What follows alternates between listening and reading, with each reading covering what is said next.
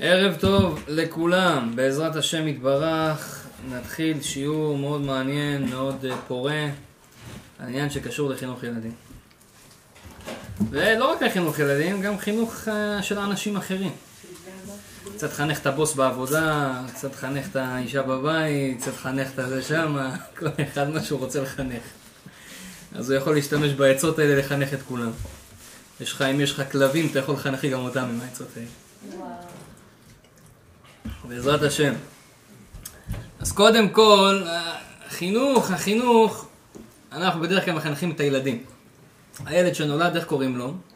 תינוק, נכון? נשים לב, תינוק. תיקח את האותיות תינוק, תהפוך אותם, זה יהיה תיקון. תינוק, קח את הקוף תחליף, זה יהיה לך תיקון. תינוק זה תיקון. תדע לך קודם כל, לפני שאתה מתחיל את העניינים, התינוק שנולד לך בשעה טובה, זה התיקון שלך. מה שהוא עושה, מה שהוא מדבר, זה הכל תיקונים שהקדוש ברוך הוא שולח, הוא יודע, הוא יודע לאיזה בטן הוא מכניס איזה ילד. לכל דבר יש סיבה, לכל מכתב יש כתובת, ובורא עולם לכל סיר יש מכסה. אז בוא... אמן. אז בורא עולם ככה קבע בעולם שלכל אחד הילדים שלו הם לפי התיקון שהוא צריך לעבור בעולם. זאת אומרת, אם אדם אין לו סבלנות, אז יהיה לו ילד שיבנה לו את הסבלנות. אם אדם יש לו בעיות עם כעס, יהיה לו ילד שיבנה לו את הכעס. אם אדם יש לו בעיה של קמצנות, יהיה לו ילד שיבנה לו את הנדיבות. ככה בורא עולם מנהל את העולם, כי באנו לפה, כך כותב הגאון מווילנה, בשביל לעבוד על המידות, להיות אנשים מתוקנים, לא כמו שאנחנו נולדנו, ככה אנחנו נחזור, אנחנו צריכים לחזור יותר טובים. הלוואי שלא נחזור יותר גרועים, אבל צריכים לחזור יותר טובים ממה שהקדוש ברוך הוא ברא אותנו. אז זה בעזרת השם השיעור שאנחנו נדבר היום, ובעיקר השאלת השאלות זה קודם כל למה הילדים שלנו לא מקשיבים לנו. אתה אומר לו דברים, הוא שם עליך פס, לא, מי אתה בכלל, תלך תחפש את החברים שלך, ילד פספוס בן שלוש, בן ארבע, בן חמש, הוא לא רואה אותך. אתה כזה גיבור וגדול, והוא, כן, לא מקשיב. למה הוא לא מקשיב? ריבונו של עולם, כל כך הרבה אני נותן לו, כל כך הרבה אני עושה בשבילו, למה הוא לא מקשיב לי? את זה אנחנו נבהר בעזרת השם בשיעור, וזה לא מספיק רק לדעת למה הוא לא מקשיב. איך עושים שהוא כן יקשיב? בסופו של דבר אני רוצה שהוא יקשיב לי, אז גם זה בעזרת השם אנחנו ננסה לדבר. בכל מקרה אנחנו נפתח בכמה חשוב העניין הזה של חינוך ילדים, וכתוב בתורה שאברהם אבינו זה אבי האומה, הוא האבא של היהודים. ממנו הכל התחיל, אברהם. עכשיו אברהם, הקדוש ברוך הוא ניסה אותו בהרבה ניסיונות. כתוב עשרה ניסיונות ניסה הקדוש ברוך הוא את אברהם. אנחנו מכירים עקדת יצחק, הוא ניסה אותו בהרבה הרבה ניסיונות אחרים, ברית מילה, כל מיני דברים, אה? נסת אורחים. כן, כל הדברים האלה הוא ניסה את אברהם, ואברהם עמד בכל ניסיון. אפילו היה שם ניסיון של מסירות נפש. אתם יודעים שאברהם קפץ לאש? כן, בטח. כן, אברהם קפץ לאש. נמרוד אמר לו, תקפוץ, קפץ. לא נשרף. אחרי זה אח שלו גם קפץ, אבל הוא נשרף. אז יש, המפרשים שואלים למה הוא נשרף, למה הוא נשרף, זה לא בענייננו עכשיו, אבל שתבין איזה אמונה היה לבן אדם. התנסה בכל הניסיונות. אבל כשהקדוש ברוך הוא בא ומשבח את אברהם, ואומר, למה אני החלטתי ממך להוציא את העם היהודי? אתם יודעים מה הוא אומר? הוא אומר פסוק. כי ידעתי למען יצווה את בניו אחריו. בגלל זה אני בחרתי בו. לא כי ידעתי שהוא מוכן למסור נפש ואפילו להרוג את הבן שלו ולעשות הכל הכל למעני, לא. הוא אומר, השבח של אברהם, כי אני יודע שהוא יודע לחנך את הילדים שלו.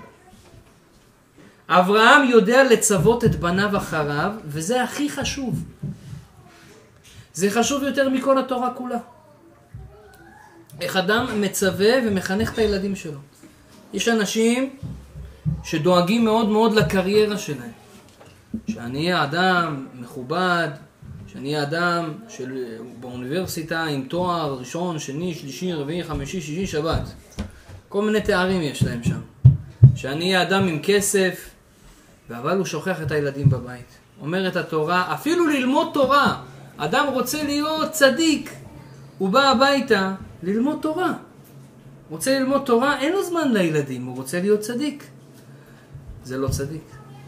כשאתה בא הביתה אתה צריך לקרוא את הציורים של הילדים, ושעה להסתכל עליהם ולהגיד פשש, פשש, להיות אוטובוס, פשש, פשש. זה מה שאתה צריך לעשות. זה התיקון עכשיו. תהיה צדיק בבית הכנסת, תהיה צדיק בבית המדרש, בבית הילדים שלך צריכים תשומת לב מהאבא, אם לא תיתן להם את זה, אחר כך הם לא ילכו בדרך נכונה. צריך לרדת אל העם, לרדת אליהם, ללמוד איתם גם תורה כמובן, אבל להיות עם הילדים. לא לדאוג רק לקריירה, לא לדאוג רק ללימודים. זה הכי חשוב. אברהם אבינו אומר לך, הקדוש ברוך הוא בחר בי באברהם, כי התכונה היחידה שהשם אהב, כביכול הכי חשובה שהשם אהב באברהם, זה שיש לו יכולת והצלחה בחינוך ילדים. אברהם היה טוב בחינוך. הוא היה מעביר הכל כמו שצריך. הוא היה משקיע בילדים שלו. הוא היה יושב עם יצחק ועם ישמעאל, עוד מעט אנחנו נראה אבל שעם ישמעאל לא כל כך הלך. וזה קורה. לא הלך לו כל כך עם ישמעאל. ישמעאל ירד לתרבות רעה, אבל בסופו של דבר, ישמעאל חזר בתשובה. תדעו לכם, הרבה אנשים לא יודעים שישמעאל עשה תשובה. זה אחת הסיבות, הגמרא כותבת, יש הרבה רבנים, תראו, קוראים להם רבי ישמעאל. לא בדורנו, בדור שלנו מפחדים לקרוא רבי. אבל תראה בגמרא, רבי ישמעאל כהן גדול. רבי ישמעאל בעל המחילתות.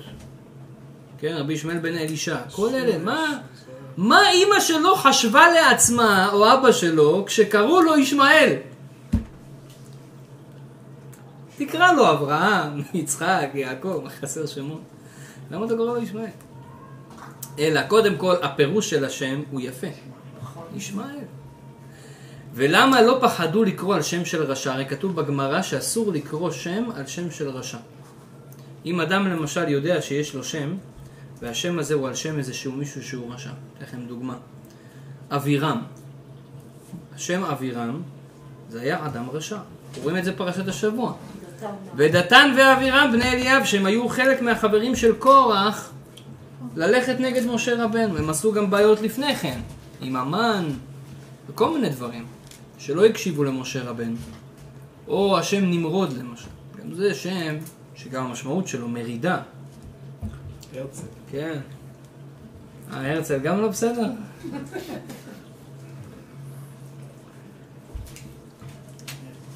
אבל אם זה היה שם מובהק של רשע אסור לקרוא. אבל אם הבן אדם הזה לא היה רשע, או יש צדיקים בשם הזה, מותר לקרוא. ולכן השם ישמעאל, מותר לקרוא אותו בגלל שישמעאל חזר בתשובה. אז כמה שאברהם גם קצת נפל בחינוך של ישמעאל.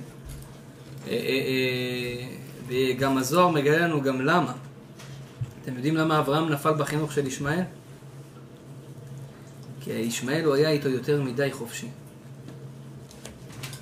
הוא נתן לו את, ה... את הספייס שלו. הוא לא דאג לו כמו שהוא דאג ליצחק. ופה אנחנו רואים שהילד צריך attention, תשומת לב, שאבא יהיה איתו, בשביל לחנך אותו כמו שצריך. בכל מקרה, אז זה אנחנו לומדים מאברהם.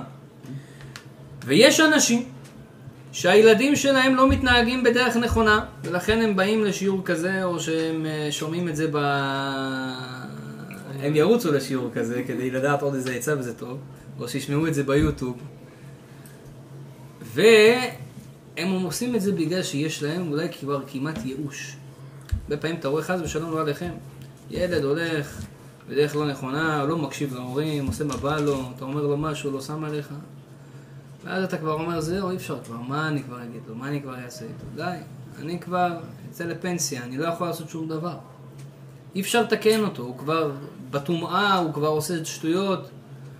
והאמת היא שהגמרא כותבת שאסור לאדם להתייאש מחינוך בניו. למה אסור להתייאש מחינוך בניו?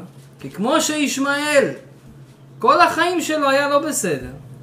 בסוף חזר בתשובה, אז מה, הבן שלך הוא פחות טוב מישמעאל? גם הוא יכול לעשות תשובה. אני ראיתי בעיניים שלי סיפורים בכל יום שקורים פה באזורים שלנו. אל אנשים שהיו בסמים קשים ועושים כל השטויות שיש בעולם. ולא מקשיבים להורים והלכו רחוק מההורים, כבר גרו בדירה בנפרדת, ועכשיו נהיו צדיקים. עם ההורים ביחד, לומדים תורה, יראי שמיים, מקיימים מצוות. איך זה קרה? זה ניסים. כן, גם הוא. אז זה אדם לא יתייש אף פעם. ידע שתמיד צריך אה, אה, להתפלל ולעשות כל הדברים שאנחנו נגיד עכשיו. והאמת היא שיש לזה פסוק. מה הפסוק? כתוב, יסר בנך כי יש תקווה. אומר אה, שלמה המלך, אתה תחנך את הילד שלך, תמשיך לחנך אותו, יש תקווה, מתי שהוא יחזור למוטב. אסור להתייאש מזה, כי הכל יכול להשתנות. עכשיו יש פסוק מאוד מאוד מאוד מעניין, שהפסוק הזה בעצם מפרש את כל ה... כל הפירושים של החינוך ילדים זה על הפסוק הזה.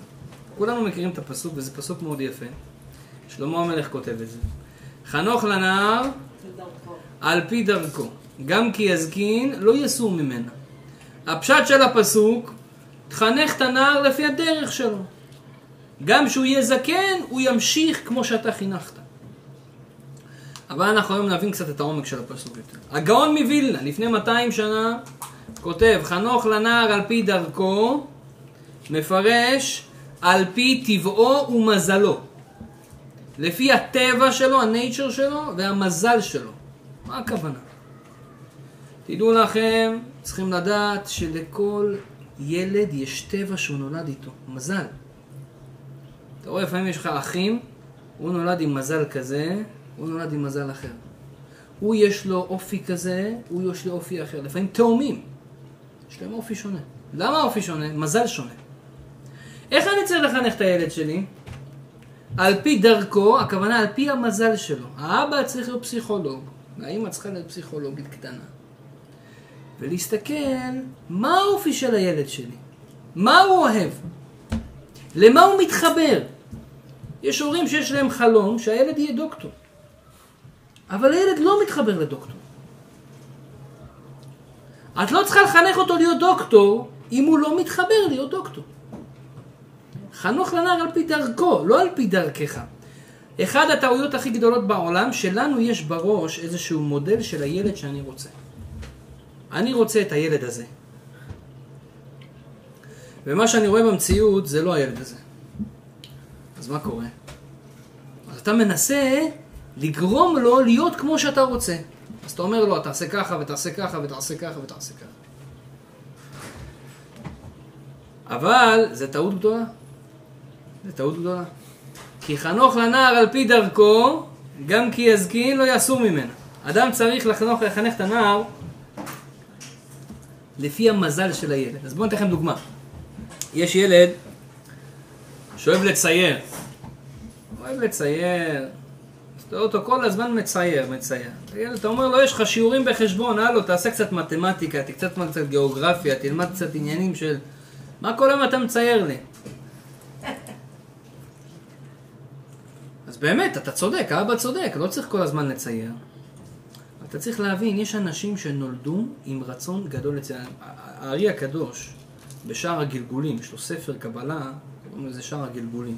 מדבר שם על גלגולי נשמות. שם הוא כותב שכל העולם מתחלקים כמעט כולם לשתי סוגים של נשמות. דיברתי על זה ביום שבת, מי שהיה. קין והבל. יש אנשים שהנשמה שלהם באה משורש קין, יש אנשים שהנשמה שלהם באה מהשורש של הבל. שתי סוגים שונים של אנשים. אנשים של קין יותר אנשים שאוהבים רכוש, שיהיה להם, שיהיה לי בתים, שיהיה לי דברים, שיהיה לי תארים, שיהיה לי זה. הבל זה אחד כזה ש... הכל הבל הבלים, עזוב אותך שטויות, אין כוח לשום דבר. לא צריכים את זה, לא צריכים... בשביל מה? פשטות. שתי סוגים של אנשים. הוא אומר, איך אתה יכול לדעת שאתה משורש קין? אחד הדרכים, אומר, אנשים משורש קין נמשכים לציור. אוהבים ציור. הוא אוהב, אתה לא מבין למה, הוא אוהב, זהו, זה השורש נשמה שלו, מה אתה רוצה ממנו? מה אתה רוצה מהילד? אז אבא ואמא חכמים יבינו, אוקיי, הילד זה השורש נשמה שלו. אז אני צריך לקחת, לנתב אותו, לקחת את האפשרות שלו לציור ולפתח לו אותה, בזמן הנכון, בצורה הנכונה, במקום הנכון, אבל אל תחפור לו על משהו אחר עכשיו, זה לא הוא. אפילו שאתה רוצה ילד כזה, זה לא הוא, זה הילד שהשם נתן לך, תראה מה יש לו, תעבוד עם זה. אל תנסה לה- להביא לו דברים חדשים שהם לא הוא, כי זה לא יצליח. ומה קורה? ההורים שמנסים את הדבר הזה, זה רק הילדים נהיים שונאים אותם. אתה רוצה שהילד יהיה משהו מסוים, והוא בסוף שונא אותך, כי הוא לא כזה. למה אתה לא כמו אח שלך? זה הדבר הכי גרוע שיכול לקרות במשפחה. מה זה למה אני לא כמו אח שלי? אם הילד היה, אם היה לו פה והוא היה יודע קבלה, הוא אומר אבא, כי הוא אח שלי משורש נשמה כזה, ואני משורש נשמה כזה, ככה הקדוש ברוך הוא ברא אותי. מה זה למה? מה זה השאלה הזאת? זה כמו שתשאל למה לאח שלך יש אף גדול ולך יש אף קטן. שאלה יפה, נכון? הרבה אנשים שואלים את השאלה הזאת. יש תשובה? אה?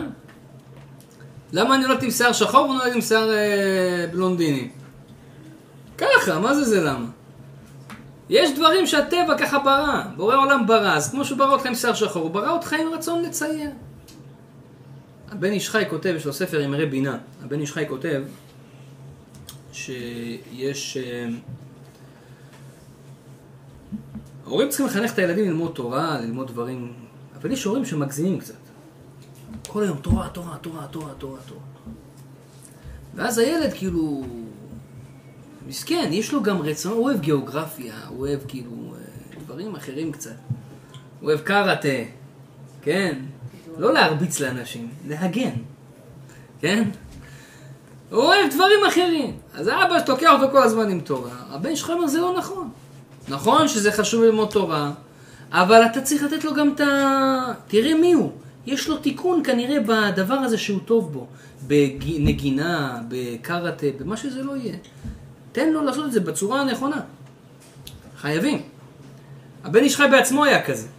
והוא אומר לא רק זה, אלא תלמד את הילד לקחת את הרצון שלו, את הדבר שהוא טוב בו, תלמד אותו לקחת את זה למקום הנכון בתורה. למשל, בתורה שלנו יש הכל. זה אחד הטענות שכשאני חזרתי בתשובה, טענו כנגדי. אני הייתי מאוד חכם בלימודים בבית ספר.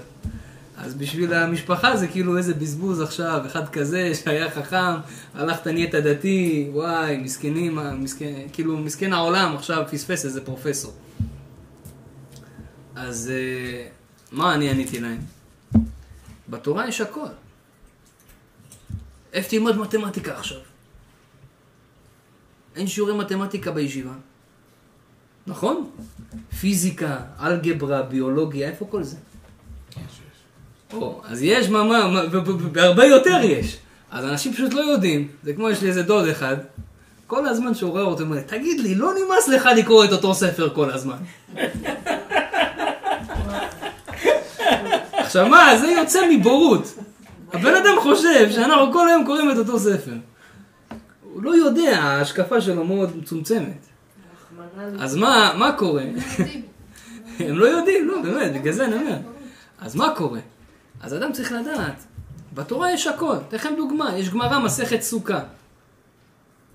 אדם שהוא לא מתמטיקאי לא יכול להבין את הגמרא הזאת. שם הגמרא דנה אם אפשר לבנות סוכה משולשת, אם אפשר לבנות סוכה מרובעת, אם אפשר לבנות סוכה עגולה, כל הצורות, מעוינת. עכשיו, בשביל לבנות סוכה צריך לדעת את השטח שלה. בשביל לדעת שטח של אה, מרובע זה לא בעיה. אבל לדעת שטח של משולש, פה אתה צריך כבר משפט פיתגורס. אבל לרש"י לא היה משפט פיתגורס. כי פיתגורס עוד לא נולד. אז מה עשה רש"י? איך הוא חישב את השטח של המשולש? מה עשתה הגמרא בלי פיתגורס? אז רש"י כותב לך משפט פיתגורס, עוד לפני שחשבו על פיתגורס. באמת? בעברית. מה- הוא אומר? אה? שהצלע הזאת בשנייה, כפול הצלע הזאת בשנייה, שווה הצלע הזאת בשנייה. אבל הוא כותב את זה בעברית, בשפה יהודית. אז אתה רואה שהנה הם ידעו את זה. ואחר כך יש עוד בעיה. ומה קורה אם נבנה סוכה עגולה? צריך לחשב את השטח של הסוכה. איך מחשבים שטח של עיגול? צריך לדעת פאי. שלוש נקודה 14. 14. אה, כבר שכחנו, נהיה לנו קורי עכביש במוח כבר, מה? מהלימודים. אז עכשיו צריכים לחשב ש... אבל מה קרה? פאי עוד לא, עוד לא, העולם עוד לא ידע אז לפני אלפיים שנה מה זה. או לפחות בא אצל היהודים. אז בא לך תוספות ואומר לך, תשמע, פאי זה 3.14. מאיפה הוא יודע? כך קיבלתי משה מסיני. בשביל לדעת חשב שטח של סוכה, צריך לדעת את הדברים האלה, ככה הם קיבלו ממשה רבנו. בשבילם זה פשוט. לא צריך פיתגורסים. יש משה מסיני. אז עכשיו אתה חושב, מה הנה, לא לומדים אלגברה? הנה לומדים את זה, בבקשה, הכל יש לך שם. וכמה ביולוגיה יש בתורה. על כל המצב של האישה, איך שהיא יולדת, ומה קורה, ומתי הילד אפילו, מתי מתחילים לו פעימות לב, כתוב בגמרא. מתי, מתי מתחילים לו גלי מוח? מאיפה הם יודעים את זה? לא היה אולטרסאונד בכלל. כך קיבלנו משה מסיני. איזה פלא זה. איך הם ידעו את הדברים האלה?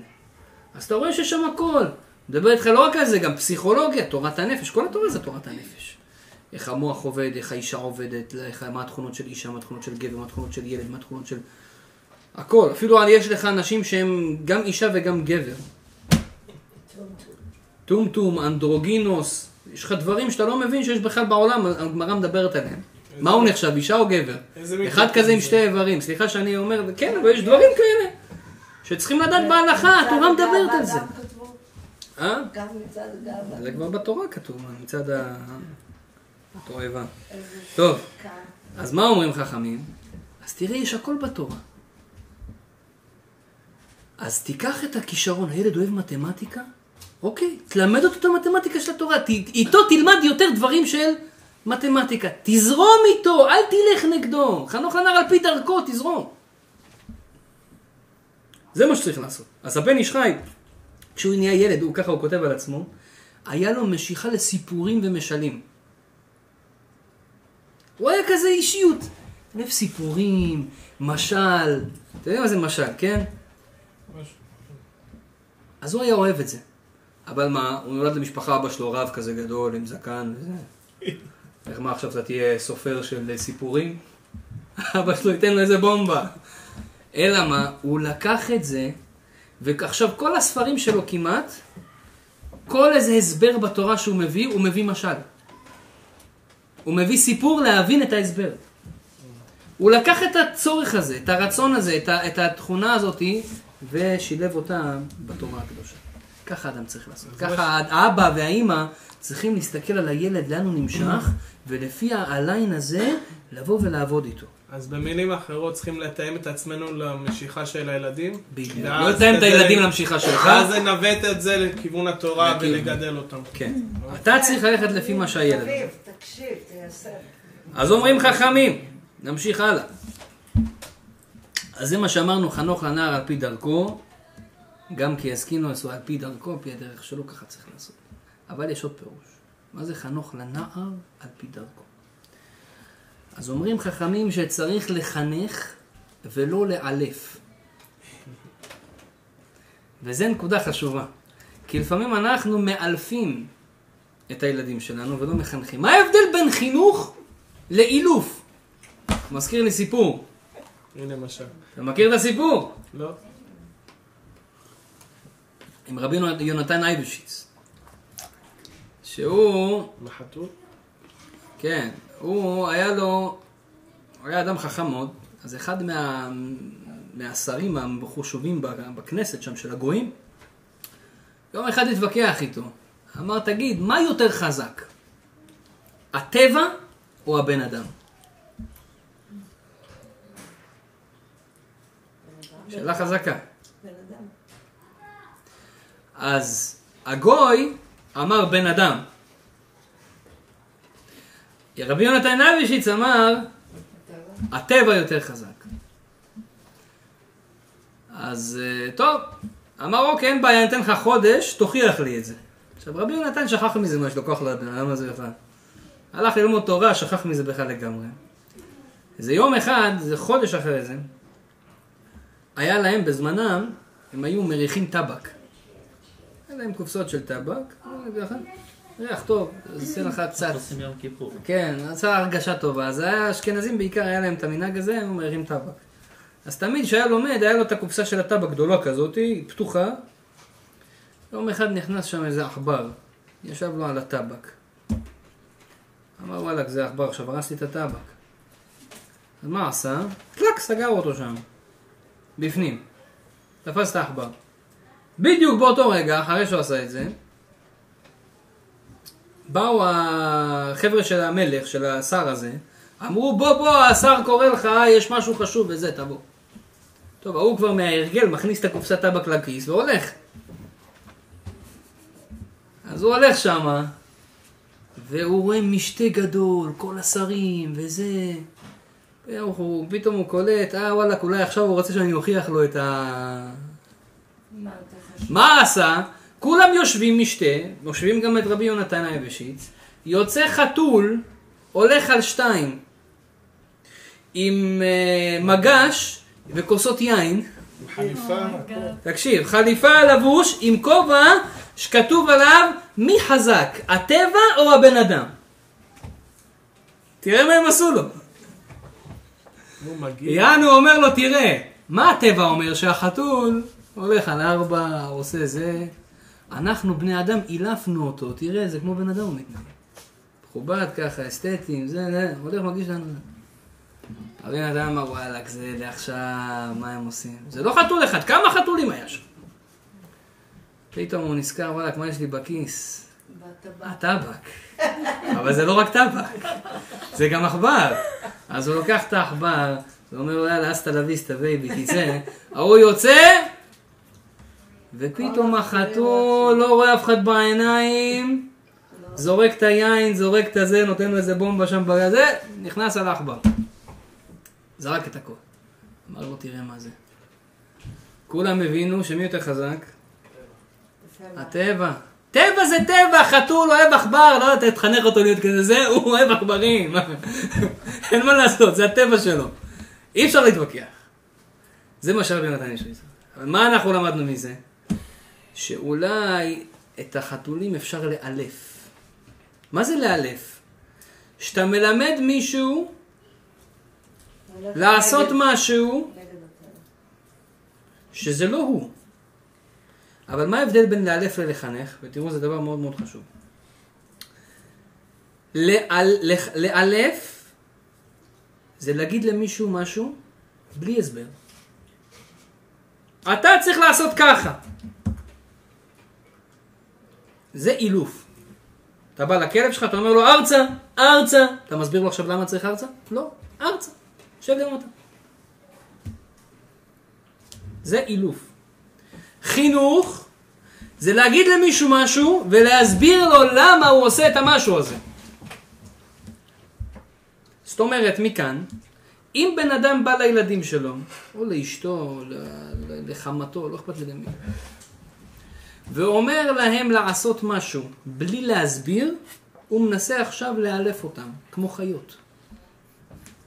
ואילוף הוא לא עובד, כמו שראינו בסיפור. זה יכול לעבוד לך לזמן קצר, עד שמשהו נגד הטבע שלו מגיע, ואז הוא יזרוק אותך בפח ויעשה מה שהטבע שלו אומר לו. זה אילוף. אבל חינוך זה עם הסבר. זאת אומרת, כשאני רוצה להגיד לילד שלי משהו, ואני רוצה באמת לחנך אותו ולא לאלף אותו, כי הוא לא חייל, אז אני צריך להגיד לו, ילד, תשטוף ידיים כשאתה מגיע הביתה מבחוץ. אז יש הורים שיסיימו פה את המשפט. כשאתה בא מהבא, מבחוץ, אתה שוטף ידיים. זה אבא מאלף. מאלף.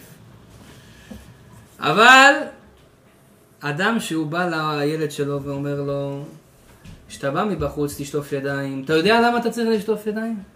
כי בחוץ יש חיידקים ויש לכלוכים, ואחר כך אתה מכניס את זה לפה וזה יכול לעשות לך פצעים, אז צריך לשטוף ידיים. אז פה אתה כבר מחנך אותו. הוא ירצה לעשות את זה. הוא מבין למה. הוא לא איזה רובוט של אבא או של אימא שאומרים לו תעשה והוא עושה. לא, מסבירים לו, הגיוני, יפה. אפילו ילד קטן שכמעט לא מבין צריך להסביר לו. לתת לו טעם, אנחנו בני אדם, יש לנו מוח. זה מה שנקרא חינוך ילדים. לתת לו את מה שצריך לעשות, אבל תסביר לו גם את הטעם, את הסיבה. זה הדבר שצריכים לעשות. זה מזכיר לי אלה ש... דיקטטורים בבית. תעשה כך, תעשה כך, תעשה כך, תעשה כך. הוא לא מסביר לך למה. אתה לא רוצה לעשות מה שהוא אומר. אז היה איזה ילד אחד כזה גם. בכיתה,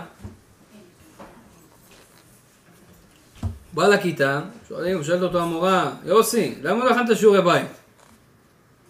אומר לה ככה. חתול אכל את המחברת. לא, זה מפותח אחד, זה נותן סיבות. אומר לה ככה. אמרה לו ככה, זה תשובה של טיפשים. אמר לה למה? אמרה לו ככה.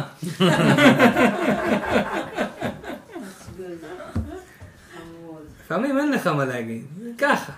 אבל ברוב הפעמים זה לא נכון. יש מה להגיד, יש כל דבר יש לו הסבר. אתה תחשוב טוב, כל דבר שאתה אומר לילד שלך לעשות יש לו סיבה. לא לגעת בחשמל, לא לגעת במגהץ, לא לחטט במקרר, כל דבר יש לו סיבה. אתה יכול למצוא לו סיבה ואתה צריך להודיע את הסיבה לבן שלך, לא משנה באיזה גיל הוא. כי הוא צריך לדעת את הסיבה למה אני עושה את הדבר הזה. זה מה שהם מלמדים חכמים. אז זה הדבר, זה מה שנקרא חנוך לנער, חנוך מלשון לחנך ולא לאלף. תסביר למה.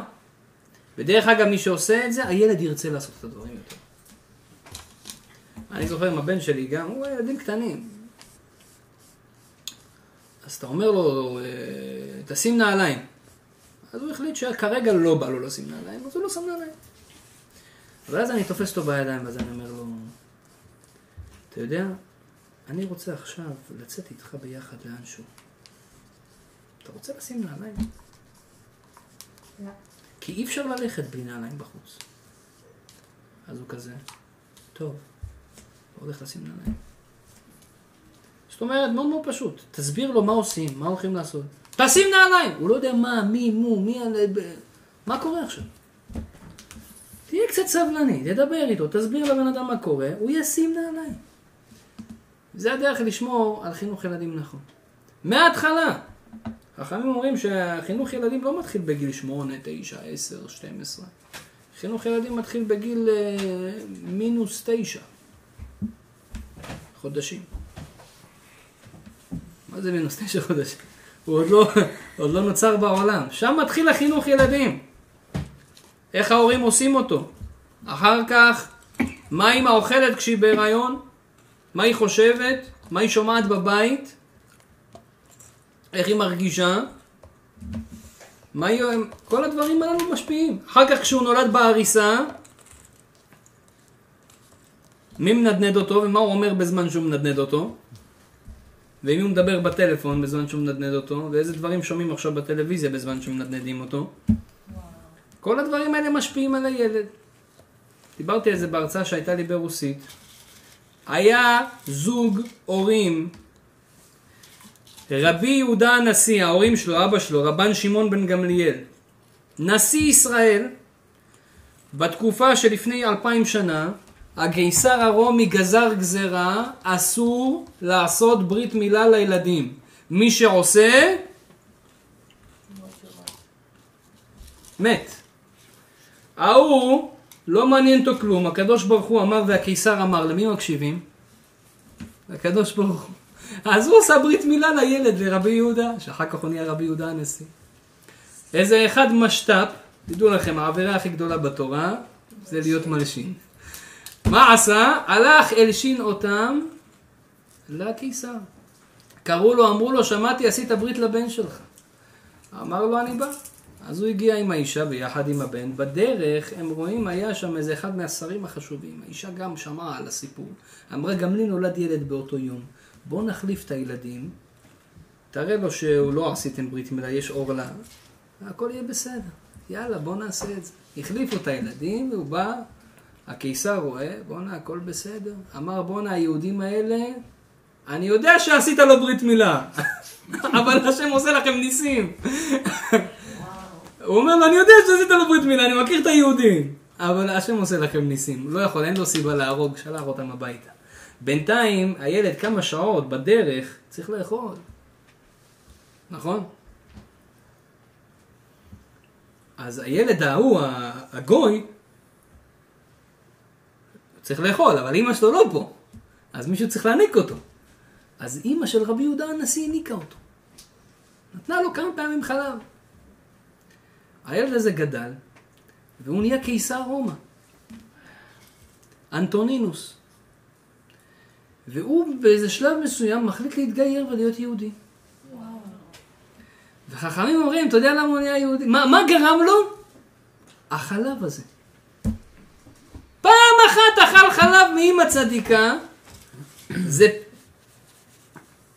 היה פועם לו בתוך, ה- בתוך הגוף. מפעפע, מה שנקרא.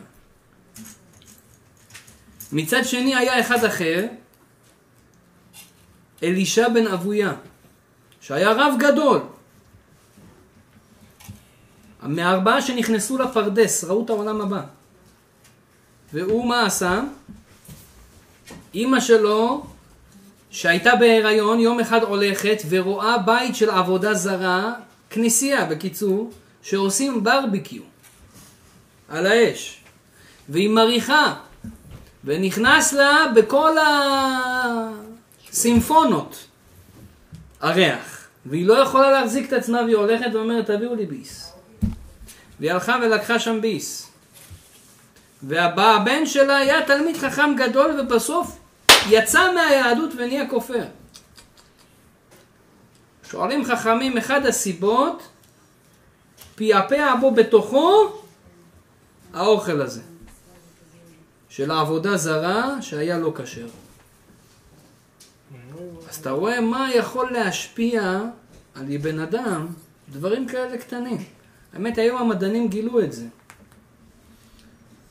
שילד, שמו זה, מכונה ככה שבודקת את הפעימות של הילד, משמיעים לו מוזיקה קלאסית, איך הוא מגיב, משמיעים לו מוזיקה של רוק, איך הוא מגיב. דברים פלא גילו. כל דבר זה משפיע על הילד. אז זה החינוך ילדים, אבל החינוך ילדים זה לא רק בהיריון, זה גם אחרי ההיריון, מה הוא שומע, מה הוא עושה. אחר כך אתה צריך גם לחנך אותו אישית, לבוא לדבר איתו, כל עוד מה שאנחנו אומרים, כל העצות האלה. אז זה, לא איך מדברים אומרים? אה? הם לא מדברים בחזרה, זה בעיה. אתה לא יודע מה הם רוצים. מה, הילדים הקטנים? אדרבה, זה... החינוך מתחיל בגיל אפס, אתה צריך לחנך אותו, להרגיל אותו, תכף נראה כמה עצות יפות לזה. אז זה, זה מה שכתוב. עכשיו יש אנשים שחושבים שאני צריך לחנך רק את הילדים שלי, וזה לא נכון. אצלך זה בוודאי. אבל אנחנו צריכים לחנך גם את הנכדים שלנו. בעזרת השם, כל אחד ביתו ובזמנו. צריך לחנך את הנכדים שלו. מה זה את הנכדים שלו? איך אני מחנך את הנכדים שלי? אלא עד כדי כך חשוב גם שהסבא והסבתא לפעמים ילמדו תורה עם הילד, ייתנו להם תשומת לב, ייתנו להם הבנה והכוונה. מסופר רבי יהושע בן לוי בגמרא בירושלמי, מסופר עליו, מסכת שבת, שיום אחד, הוא היה רגיל כל יום שישי ללמוד עם הנכד שלו. יום אחד הוא שכח, הלך למקווה, להתרחץ. כבר בא, הוריד את הבגדים, היה איתו איזה חבר. כבר בא, הוריד את הבגדים, התחיל כבר לשפשף את השמפו. פתאום הוא נזכר, מה, שכחתי, אני צריך ללכת ללמוד עם הנכד שלי. הוריד את השמפו, שם בגדים, שום מקלחת, הלך ללמוד עם הנכד שלו. אמר לו, מה עד כדי כך? אל תגזים, בסדר, שכחת, לא קראת לו. לא. סבא אתה, אתה לא אבא. חשוב, זה חשוב. ללמוד עם הנכדים. תדעו לכם, אברהם אבינו לא רק חינך את הילד שלו, אברהם אבינו גם ראה את עשיו ויעקב. עד גיל 15 הוא ראה אותם. ומה קרה? אתם יודעים שעשיו לא יצא לתרבות רעה רק אחרי... שאברהם נפטר. שואלים חכמים למה? הרי אם הוא היה רע מלכתחילה, הוא היה כבר צריך בגיל 14-13 כבר מתחיל לעשות שטויות. למה רק בגיל 15 הוא יצא לתרבות רעה? כי עד גיל 15 הוא עדיין היה לומד עם אברהם ומקבל ממנו כמה שהיה לו יצרים, הלימוד עם הסבא, עם אברהם, היה, מקבל, היה. מאזן אותו. תראו מה זה לימוד, שלומדים עם הסבא, זה חשוב מאוד. אז זה גם, צריך לדעת גם הנכדים. זה לסבתות ולסבות שבינינו, שבעזרת השם שאנחנו נהיה. אז זה, זה. עכשיו נלך לדובדבן שבקצפת. למה הילדים לא מקשיבים? מה הסיבה שהילדים לא מקשיבים להורים שלהם?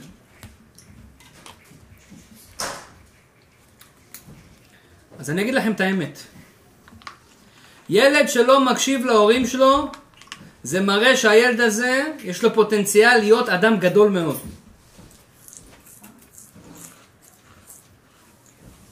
כן. מה הכוונה? ילד, וכמה שהוא יותר לא מקשיב, זה מראה כמה הגדולה והפוטנציאל הרוחני והגשמי שיש לילד הזה. ואני אסביר לכם למה אני אומר את הדברים האלה. ילד שלא מקשיב להורים שלו, זה מגיע בגלל שיש לו צורך גדול לעצמאות. להקשיב להורים זה בעצם להיות תחת ממשלה מסוימת. הם אומרים לי מה לעשות, I'm the follower and, and they are the leaders. ילד שלא מוכן להקשיב זה ילד שיש לו לידריות בנשמה. הוא רוצה להיות משה רבנו.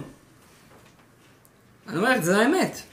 זה ילד שיש לו רצון כזה גדול לעצמאות שקשה לו להקשיב ולקבל, הוא אמור להיות המוביל ולא אחרים. אז קודם כל צריכים להבין שזה נובע מנקודה טובה.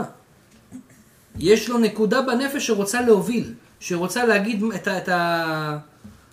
to give the directions, ולא שיגידו לו. אבל, אנחנו מבינים שאם אנחנו ניתן לנהל את העניינים, יהיה בלאגן. כרגע אין לו עדיין את הכלים ואת ההבנה ואת השכל בשביל לעשות את זה. יש לו רק את הרצון. אבל אנחנו צריכים להבין, קודם כל, שילד שלא מקשיב זה בא מהרצון לעצמאות. הוא רוצה להיות עצמאי. וככה הוא נולד. זה לא אומר שהוא ילד רע. הוא ילד מצוין, הוא ילד טוב עם פוטנציאל ענק. יש לו פשוט רצון גדול לעצמאות. מה עושים עם זה? עכשיו תכף אנחנו נראה איך אנחנו מאזנים את הדבר. אבל קודם כל צריך להבין, דבר ראשון זה ילד עם פוטנציאל גדול והוא רוצה עצמאות. איך נביא לו את העצמאות הזאת? תראו מה זה העצות האלה. עצות שהתורה נותנת לנו. אז קודם כל לא לכעוס. מה אתה כועס? שהוא לא מקשיב לך. אם אתה כועס שהוא לא מקשיב לך, זה אומר שקודם כל אתה לא מקבל את הגזירה של הקדוש ברוך הוא, כי הקדוש ברוך הוא גזר עכשיו שהוא לא יקשיב לך. ודבר שני, אתה מבין שזה מגיע ממצב נכון, זה מגיע מעצמאות. עכשיו צריך לעבוד עם, ה- עם הרצון שלו הזה לעצמאות. איך עובדים עם זה? אז אומרים ככה. קודם כל, בשביל לגרום לילדים להקשיב, אנחנו ניתן בערך חמש עצות בשביל לגרום לילדים להקשיב לך. בשביל לגרום לילדים להקשיב לנו, קודם כל, אנחנו צריכים לבנות להם סדר יום. מה הכוונה? אנשים שהם בלאגניסטים, שדברים אצלם לא מסודרים, והכל אצלם זה ספונטני, הילדים שלהם לא יקשיבו להם. למה? כי ילד הוא בנוי על אני צריך שיהיה לי סדר. אם אין לי סדר, הרי תראו, הרבה פעמים התפלאתי. אתה הולך לגן, בגן, כולם מלאכי השם צבקות. בדרך כלל. אני, ש... אני הלכתי לגן, שאלתי את, ה... את הגננת, תגידי, הבן שלי הזה והזה, הוא עושה בעיות כשהוא הולך לישון? אומרת לי ככה, הוא, הולך, לוקח ספר, כן, כמו אבא שלו, ונרדם עם הספר. אמרתי, אולי אני אנסה את זה בבית. אמרתי לו, אני היום אני אביא לך ספר. קח ספר לפני שינה. שעה קראת ספר בחושך, לא נרדם. קם, לקח ספר אחר, בלגן את הזה, הביא לאח שלו השני. למה בגן אתה לא עושה את זה? למה בגן זה כל כך קל?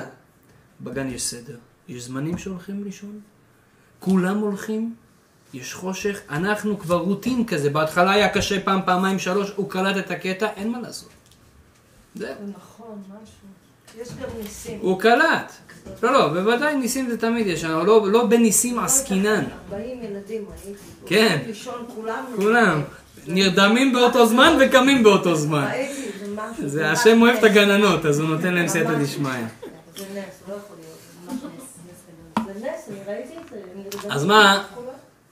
למה זה קורה ככה שהוא שם מצליח ככה לתפקד, ופה אצלי לא? משהו בבי לא בסדר, עוד מעט אנחנו נראה גם מבחינה קבלית מה זה אומר עליי. הוא לא אומר עליי. אבל בואו בינתיים בפשט של הדברים.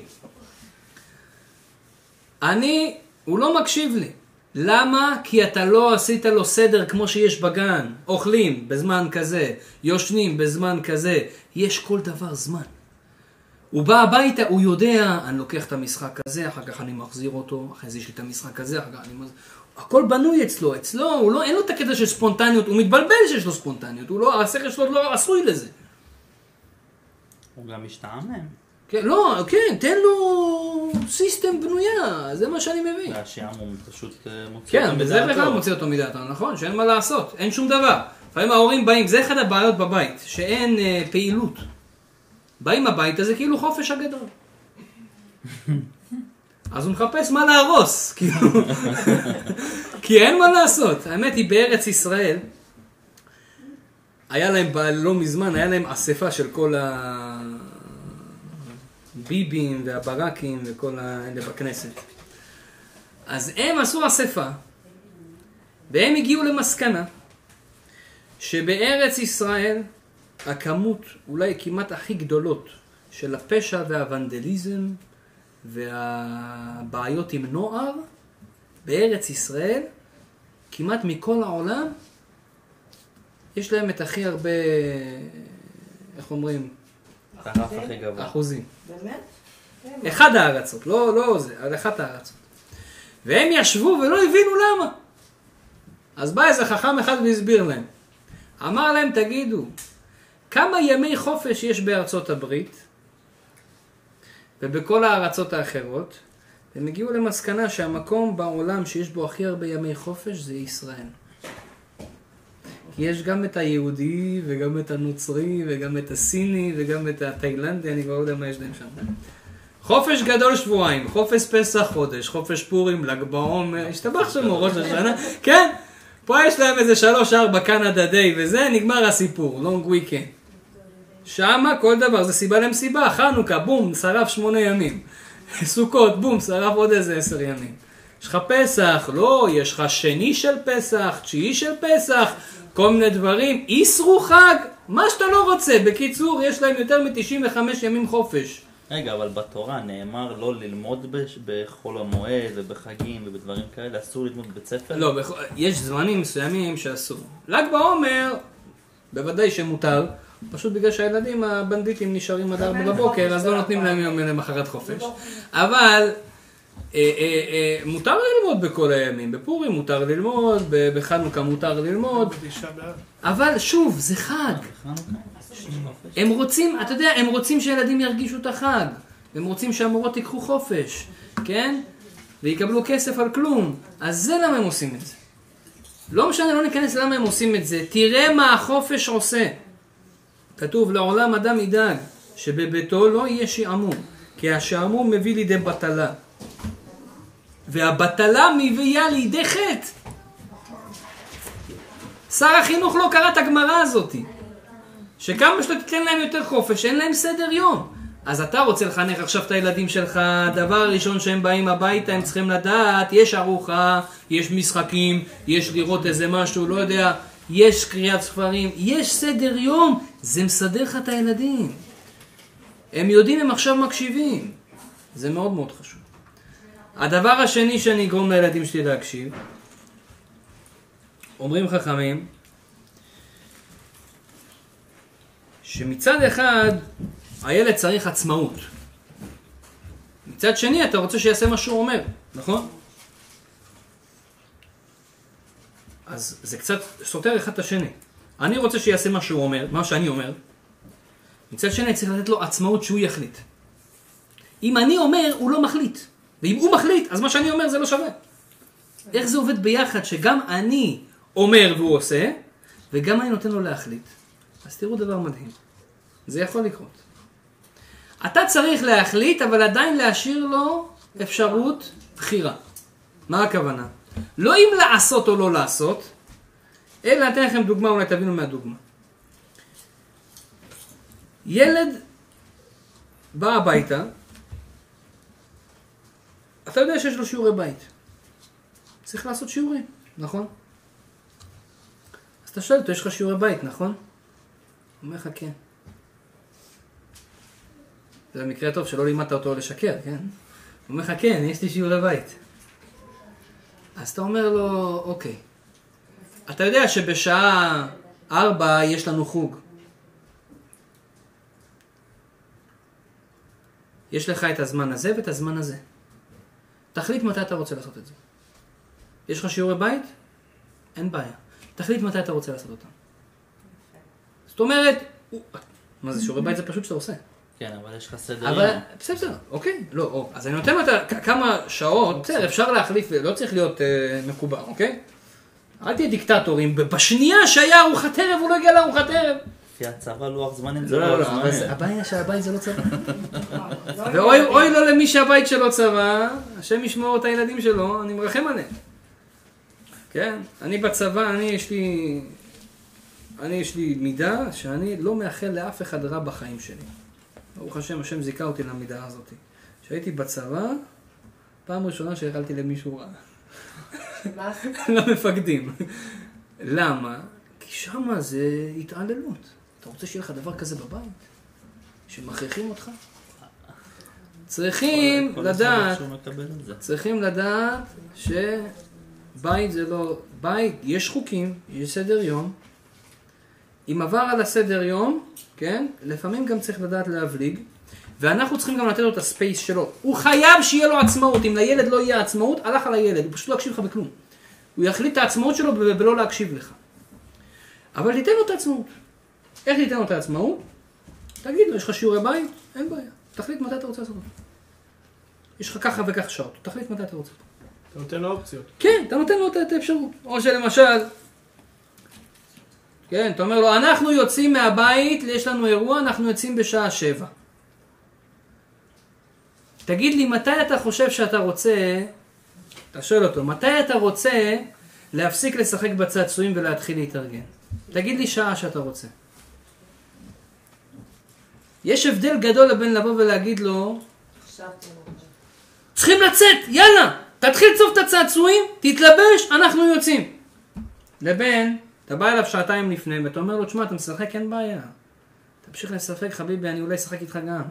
אבל אנחנו צריכים לצאת עוד שעתיים. אתה תחליט מתי אתה רוצה, תגיד לי עכשיו מתי אתה רוצה. מתאים לך שלוש וחצי, ארבע וחצי, חמש וחצי, ואז הוא יתחיל להגיד, "פש, בוא, מתחשבים בדעה שלי, ככה יגרד בזקן שאין לו. ארבע וחצי נשמע טוב, קבענו. יפה. וזה גם דרך, דרך אגב, יש הרבה, יש דילמה גדולה של הורים, שהילדים לא עושים את רצונם. אז תראו טריק עצום, איך עושים מה שהם יעשו מה שאתם רוצים. ילדים קצת יותר גדולים. יש בעיה בבית. אנשים אוכלים ומשאירים את הצלחות על השולחן. או יש שולחן שבת, אוכלים, הולכים, ואז איזה פראייר אחד מרים את הכל. בדרך כלל זה האמא או האבא. במקרה הטוב זה איזה אחד כזה שתפסנו אותו, היום זה התור שלך, כן? אז מה עושים? יש דילמה, נכון? להורים עכשיו יש דילמה. רבותיי, תלמדו, צריכים לשתף את הילדים בדילמות שלנו.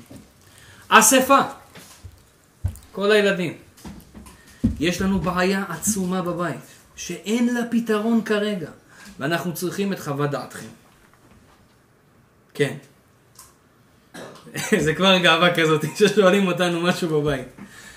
מה אנחנו צריכים? יש לנו בעיה שאנחנו לא מצליחים לסדר ולנהל דרך שהצלחות המלוכלכות לא יהיו על השולחן. אנחנו צריכים לפתור את הבעיה הזאת. בבקשה, משה, תציע את ההצעה שלך. הוא יהיה חייב לתרום את עצמו. אחרת הוא יצא... הוא יגיד, שמע, אולי נעשה פעם בשבוע כל אחד. עכשיו, יש הבדל גדול בין אתה תגיד, תיקח דף. ותגיד לא. נביא עוזרת, זה השם ישמור, זה כבר ילדים מקולקלים לגמרי. מה עושים? אין בעיה, תשלם לעוזרת. מה עושים? יש, יש בן אדם שיבוא ויביא דף ויגיד, זהו, ביום ראשון משה, ביום שני שרה, ביום... זה... ככה. זה לא, זה, לא, זה לא יעבוד טוב, למה? כי הם לא ירצו לעשות את זה. ואם יש איזה כמה עבריינים שם ב- בילדים, הם לא יעשו, ואז האחרים יצטרכו לעשות בשבילם. זה בעיה.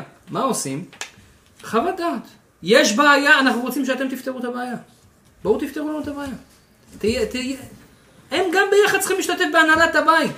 ברגע שהוא מקבל את העצמאות שלו פה, הנה אני מנהל את הבית, אני אמרתי את הרעיון של השטיפות כלים, אני אעמוד מאחורי זה. זה עובד. זה מה שנקרא, תיתן לילד עצמאות והוא יעשה את רצונך. זה מבחינה פיזית, כך אפשר לעשות את זה. יש עוד דרך, וזה אחד הדברים שגם צריכים לדעת. ילדים מפחדים ולא אוהבים דברים שגדולים עליהם. למשל, אתה מבקש ממנו לסדר את החדר או לסדר משהו, אם יש יותר מדי בלאגן, הוא יתייאש. רק מלראות את זה הוא מקבל כבר חררה. הוא לא יכול. אז הוא בחיים לא יסדר. זה אתה בעצם עכשיו מטיל עליו ניסיון שהוא לא יכול לעמוד בו. וכתוב שהקדוש ברוך הוא לעולם לא מביא לבן אדם ניסיון שהוא לא יכול לעמוד בו. לפני שהשם נותן לך ניסיון בחיים, הוא רואה ומסתכל לפי הכוחות נפש שלך, לפי הפסיכולוגיה שלך, לפי האפשרות הפיזית והפיננסית שלך. האם אתה יכול לעמוד? אם הוא מבין שאתה יכול לעמוד, הוא שולח לך את הניסיון. אותו דבר אתה צריך לנהל את הבית. אתה תסתכל בכוחות של הילד, ואתה מכיר אותו הרי. האם הבקשה שאתה הולך לבקש ממנו זה בקשה שהוא יעמוד בה? אם זה לא בקשה שהוא יעמוד בה, אפילו אל תבקש. כי אתה גורם לו עכשיו לעשות חטא, לא להקשיב לאמא ואבא. זה עבירה, לא להקשיב לאמא ואבא. אל תגרום לו לעשות עבירה. תפיל עליו דברים שזה יכול לעמוד בו. ולכן צריכים להתחיל בדברים קטנים, לא להפיל עליהם, כן? אל תגיד לילד לשטוף כלים כשיש הררים של כלים. תגיד לו לשטוף כשיש קצת. זה החינוך. אתה אומר לו, שוב, אנחנו מחנכים את הילדים לשטוף כלים לא כי אנחנו צריכים עזרה. זה גם אחד הנקודות שצריכים להבין. תסדר את החדר. למה תסדר את החדר? כי אני צריך עזרה ואין לי כוח לסדר? לא, כי אני רוצה ללמד אותך להיות אחראי. ורוב ההורים לא עושים את זה בגלל שהם רוצים ללמד את הילד להיות אחראי. הם עושים את זה כי מה עכשיו, אני אסדר? אתה הולדת אותו בעולם, אתה הבאת אותו לעולם. קח אחריות. איי, למה אני אומר לו לסדר? כי אני רוצה שילמד. אבל אם אני רואה שהחדר יותר מדי מבולגן וזה גדול עליו, אז מה אני עושה? אז אני אומר לו, בוא, אני אסדר את כל זה, אתה רק תסדר את הבובות. תן לו מה שהוא יכול.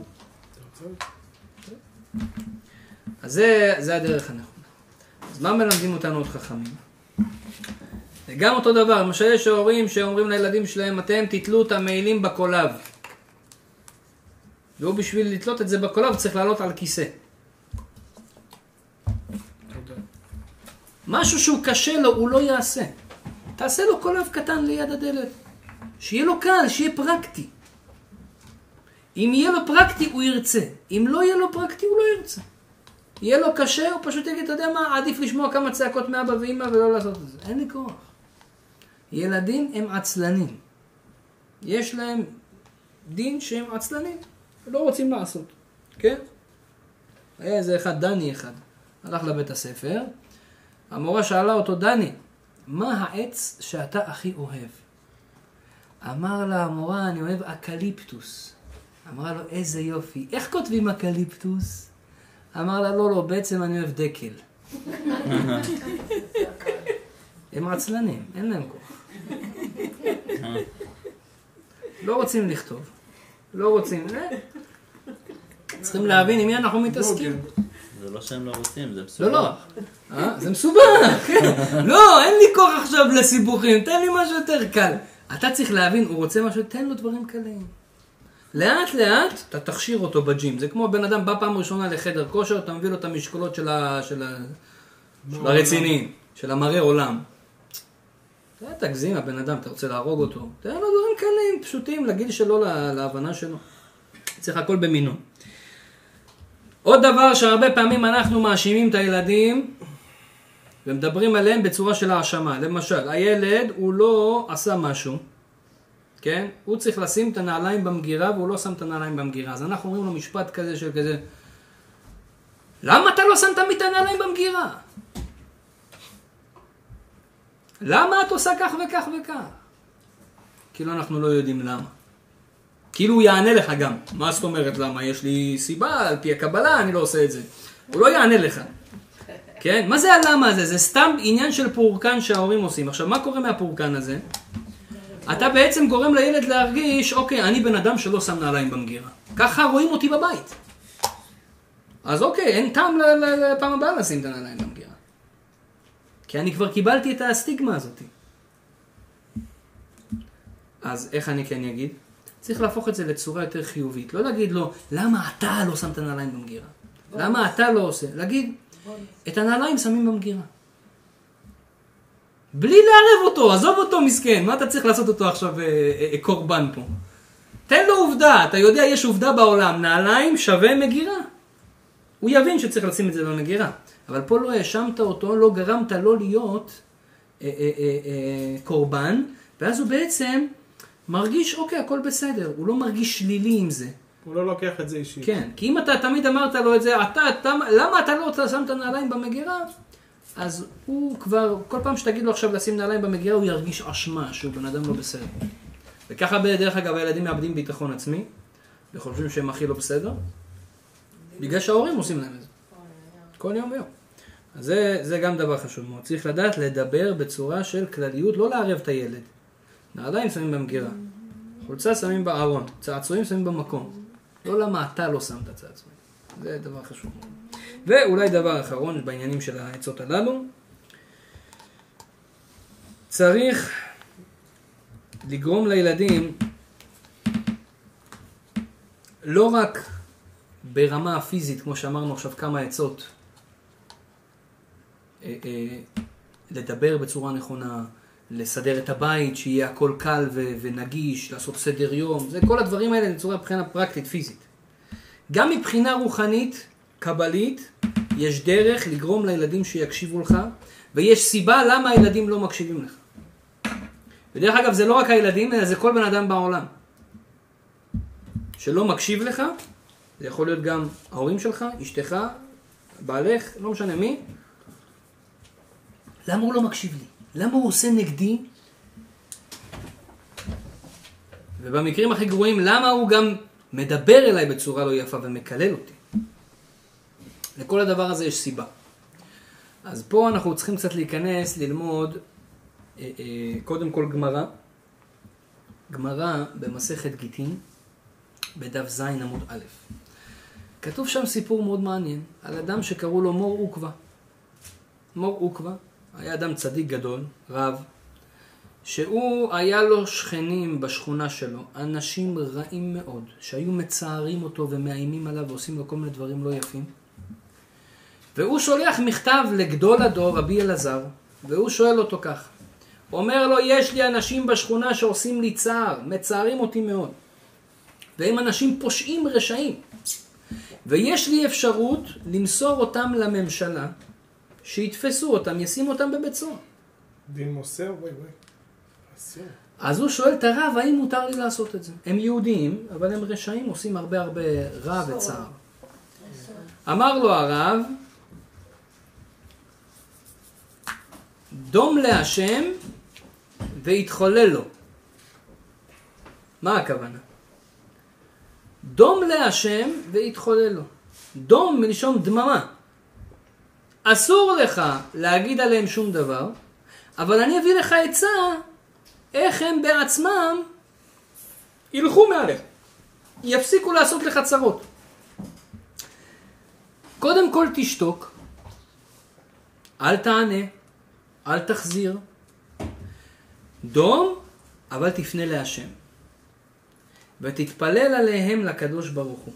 מתי? תשכים ותעריב עליהם בבתי כנסיות ובבתי מדרשות. בבוקר תתפלל עליהם, כשאתה מתפלל, מוקדם יותר תקום. עד היום היית קם מתי? בשבע, תקום עשרה לשבע. בערב היית יוצא, היית מבזבז על לימוד תורה או על התפילה, בוא נגיד רבע שעה, תעשה חצי שעה. תוסיף קצת בלימוד ובתפילה, בשביל הזכות שהקדוש ברוך הוא ייקח ממך את הבעיות, את הצרות האלה, ואתה תראה שמעצמם הם פשוט, הקדוש ברוך הוא יעיף אותם ממך. ככה זה העצה שהוא נותן לו. דום להשם, קודם כל לשתוק ולא לענות. דבר שני, תוסיף בתפילה ובלימוד התורה. הוא עשה את זה. באמת הוא שתק, הוסיף בתפילה ולימוד תורה, והוא ראה שאחרי כמה זמן ממש תפסו אותם בעצמם ה... הממשלה, שמו אותם בבית הצוהר. ברוך השם, הכלל עבד. איך זה קשור לענייננו? אומרים חכמים, אותו דבר זה גם עם ילדים. כמובן שהילדים הם לא העבריינים האלה, אבל הם גם עבריינים קטנים, שובבים. איך אנחנו יכולים לגרום, הם עכשיו הולכים נגדנו ולא מקשיבים לנו. איך אנחנו יכולים לגרום שהם יקשיבו לנו? קודם כל דום. כשהילד עושה משהו שהוא נגדך, אתה צריך לדעת לשתוק. לא תמיד צריך באותו רגע להתפרץ. הוא לא הקשיב לך? בסדר. תן לזה לעבור. נכון, זה קשה, כואב בלב, מישהו לא הקשיב לי, מישהו לא עשה את רצוני, נכון. תעבוד על עצמך קצת, תמתין, תטפל בזה אחר כך. עכשיו, פשוט תעבור על זה. תקבל את זה בדממה ובשמחה. זה מה שהשם רצה עכשיו, שהוא לא יקשיב לי. עכשיו תנסה לפתור את זה. תנסה לפתור את זה פיזית עם העצות שאני נתתי, אבל גם העובדה שמישהו לא מקשיב לך ומישהו פה לא עושה רצונך, אתה צריך להתפלל על זה. אם אדם לא יתפלל על החינוך הילדים שלו, אז הוא בחיים לא יצליח. ילדים צדיקים באים רק על ידי תפילה ולימוד תורה. אדם יגיד, אני מקבל לזכות של הילדים שלי ללמוד עוד רבע שעה ביום, רק לזכות של הילדים שלי. היה את הרב טולדנו. הרב טולדנו, היה לי הרב ברוך טולדנו. היה לו איזה עשר ילדים והרבה נכדים, כולם יצאו צדיקים וממושמעים וחסידים, גם הנכדים. שאלו אותו, הרב, איך הגעת לרמה כזאת? שכל, ממש, אף אחד לא יצא כזה לא בסדר, כולם יצאו ממש צדיקים וטובים, כולם רבנים. אמר להם, מה אתה חושב, שאני מתפלל תפילת תיקון חצות בלילה. אני יושב על הרצפה, ואחרי שאני עושה את התיקון חצות, אני מונה אחד-אחד מהילדים, אחד-אחד מהנכדים, ומתפלל על כל אחד מהם. נשמע הרבה זמן. אז הוא משקיע רבע שעה ביום, אבל תראה מה הוא קיבל. אם זה באמת חשוב לך, תשקיע. אתה באמת יודע שתפילה זה, זה מעל הכל. יותר מכל השתדלות. הוא ישתנה מעצמו. אתה נותן לו זכויות לילד, אתה מתפלל עליו, אתה נותן לו אנרגיות להקשיב לך. זה דבר חשוב. אז זה הדבר הראשון. דום להשם והתחולל לו, דבר איתם. והשם עושה אותם חללים חללים, מה הכוונה? שהם יהיו מקשיב, חיילים שלך הם יהיו. הוא עושה אותם חיילים חיילים. יקשיבו לך מה שאתה אומר, מה שאתה מדבר. והסיבה למה הם לא מקשיבים לנו, ופה צריכים לשמוע טוב, זה הזוהר הקדוש כותב. שאדם, שמישהו לא מקשיב לו, או שהילדים שלו לא מקשיבים לו, או שהאישה שלו לא מקשיבה לו, או שהוא לא מקשיב לאשתו, לא משנה מה, מי, מי לא מקשיב למי, זה הכל בגלל עבירות. מה הכוונה? כשאדם עושה עבירה, מה קורה? אז יש פה איזושהי אנרגיה לא טובה שהוא ברא בעבירה הזאת. נקרא לזה מלאך. נקרא לזה מלאך. המלאך הזה שהוא ברא, המלאך הזה עכשיו מסתובב לו בעולם, כיף חיים, הולך למיאמי, קצת משתזף וזה. מה הוא עושה? המלאך הזה צריך עכשיו לחזור בו, לחזור אליו ולנקום בו בחזרה. למה? כי הוא ברא אותו, המלאך הזה סובל מעצם בריאתו, כי הוא מלאך מחבל. הוא עכשיו רוצה כביכול, אתה בעצם בורא לעצמך את הנקמה שלך. וואו. עכשיו, זה לא נקמה שהקדוש ברוך הוא רוצה לנקום בך, אלא זה בעצם הרפואה. אדם עשה משהו לא טוב, הוא מקבל בומבה, הבומבה הזאת מכפרת לו על מה שעשה לא טוב. עכשיו, הבומבה הזאת נקראת המלאך הזה. אותם מלאכים של העבירות שלנו, הם מתלבשים בתוך אנשים. צריך להבין, זה הזוהר הקדוש כותב את זה. זאת אומרת, אדם עשה עבירות מסוימות, זה נבראו כמה מלאכים, עכשיו יש איזה מישהו שצריך להיות איתך באיזה קשר, זה יכול להיות האישה, יכול להיות הילד, המלאך בא ומתלבש בתוך הילד. ועכשיו הילד עושה דברים נגדך. עכשיו, זה הילד עושה את זה? הילד לא עושה כלום.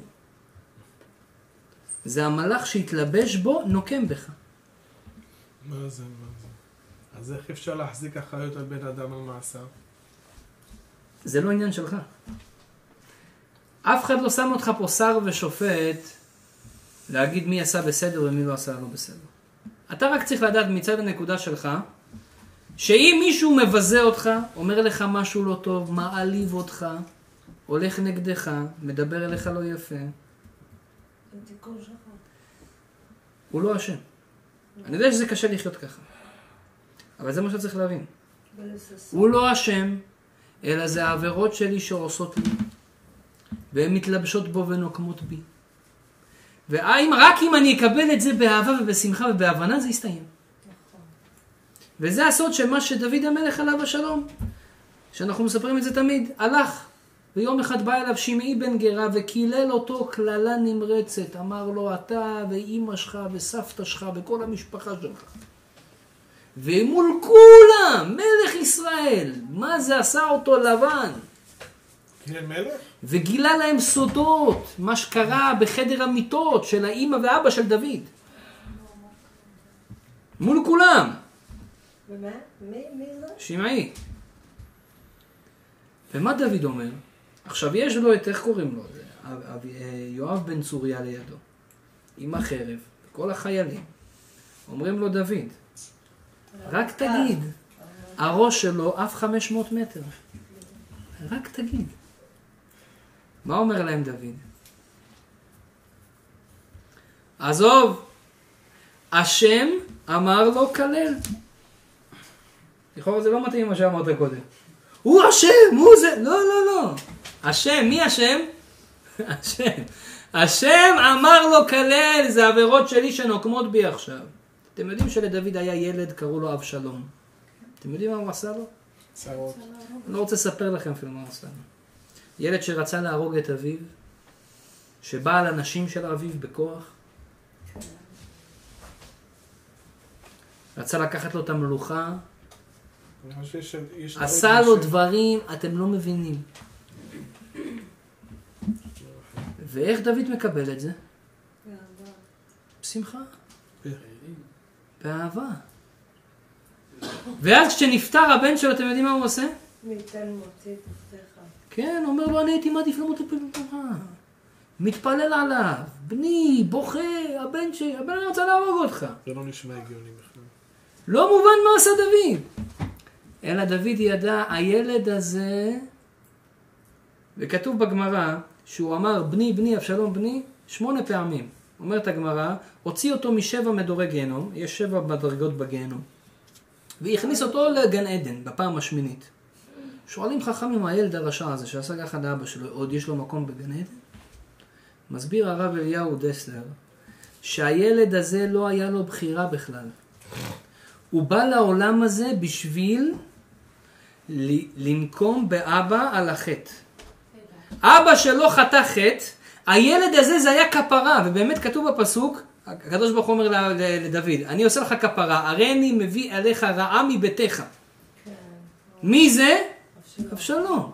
אז אני מביא לך רעה מביתך בשביל לכפר, תבין, זה לא הוא. זה התיקון שלך, תינוק תיקון. איך מתקנים את זה באמת? מקבלים את זה באהבה. ואחרי שמקבלים באהבה, הולכים ועושים מעשה.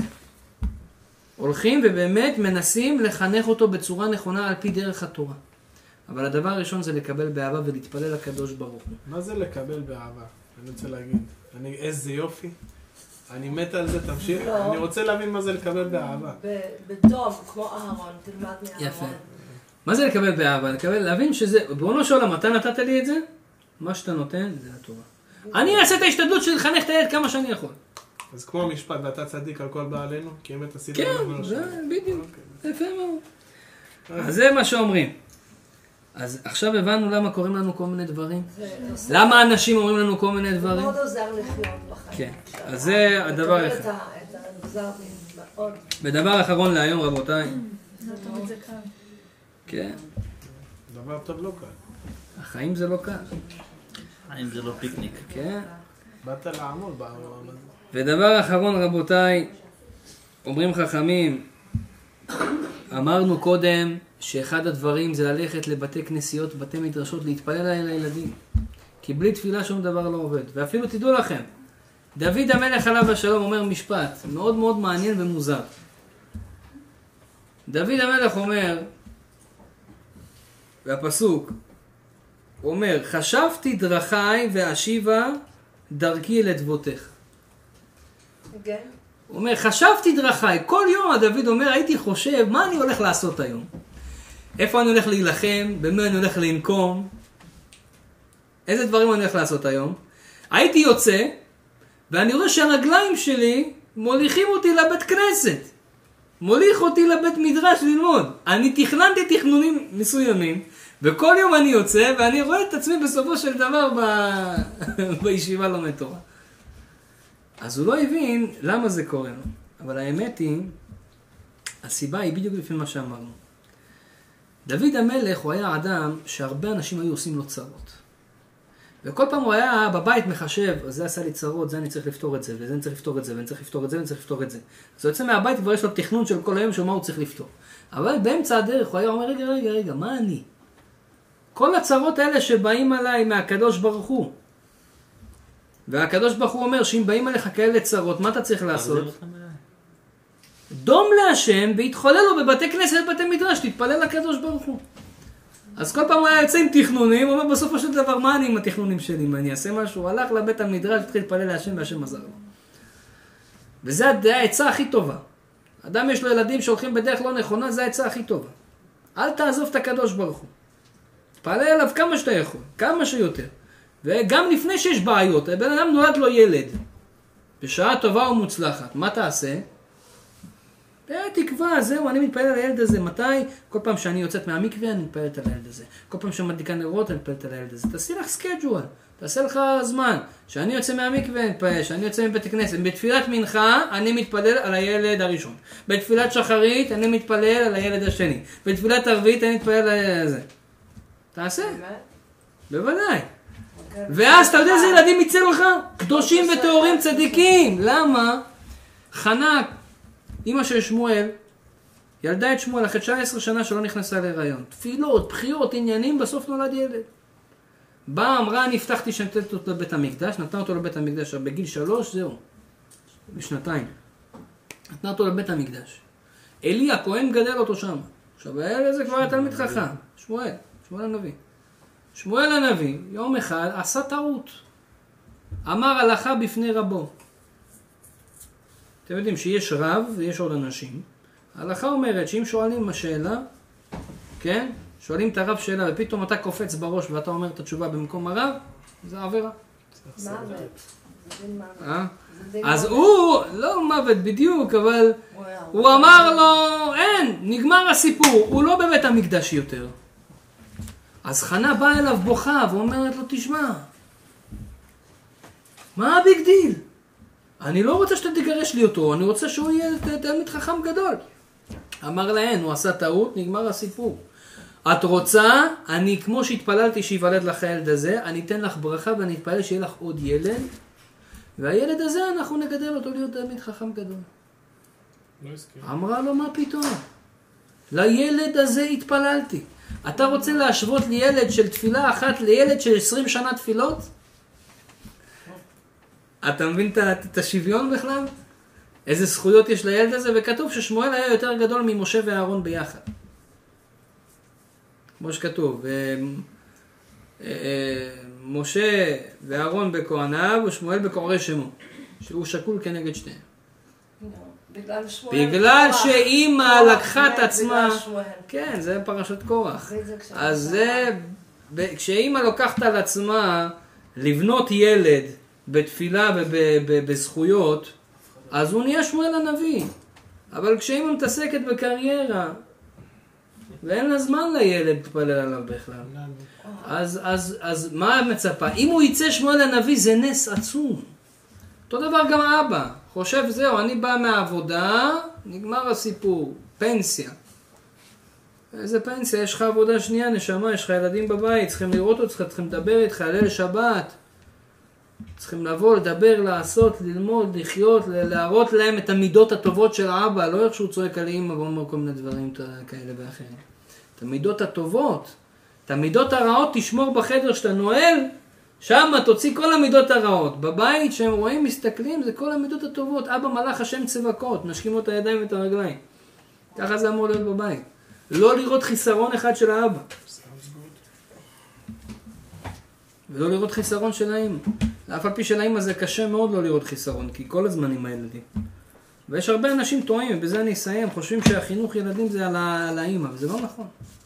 לא כתוב ושיננת לבנייך. כתוב, ושיננתם לבניך, נשמה, האישה לא מצו- לא מצווה על- על חינוך הילדים בכלל, זה מה עושה, זה חסד. בניך זה גם בנות או זה רק הבנים? לא, גם בנות. לשנן זה ללמד. נכון, חינוך, לימוד, לימוד הילדים בכלל זה לא מצווה זה לאימא. האם. זה שהיא עושה את זה זה חסד גדול, גדול וגמור, זה מצווה מצד מה שהיא, זה הילדים שלה והיא מרגישה צורך, אבל אתה צריך לחנך את הילדים, דבר איתם. צריך ללמד אותם. זה בעזרת השם יהי רצון שהקדוש ברוך הוא קודם כל יזכה אותי להיות אבא נורמלי, נכון. וטוב ונכון, ולחנך את הילדים בצורה נכונה. לי שלמדנו. בעזרת השם, שכל מה שדיברנו יהי רצון שהשם. יזכה אותנו גם ליישם. כן, לא רק ללמוד על מנת ללמוד, אלא ללמוד על מנת לשמור ולעשות ולקיים את כל דברי תלמוד תורתך באהבה. תודה רבה למשפחת אהרונוב, השם יברך אתכם, יזכה אתכם, ברכה והצלחה, גם אתה אהרונוב, אתה גם בכלל ברכה. ייתן לכם כל משאלות לבכם לטובה, ילדים צדיקים עובדי השם, בריאים ושלמים, אמן כן יהי רצון.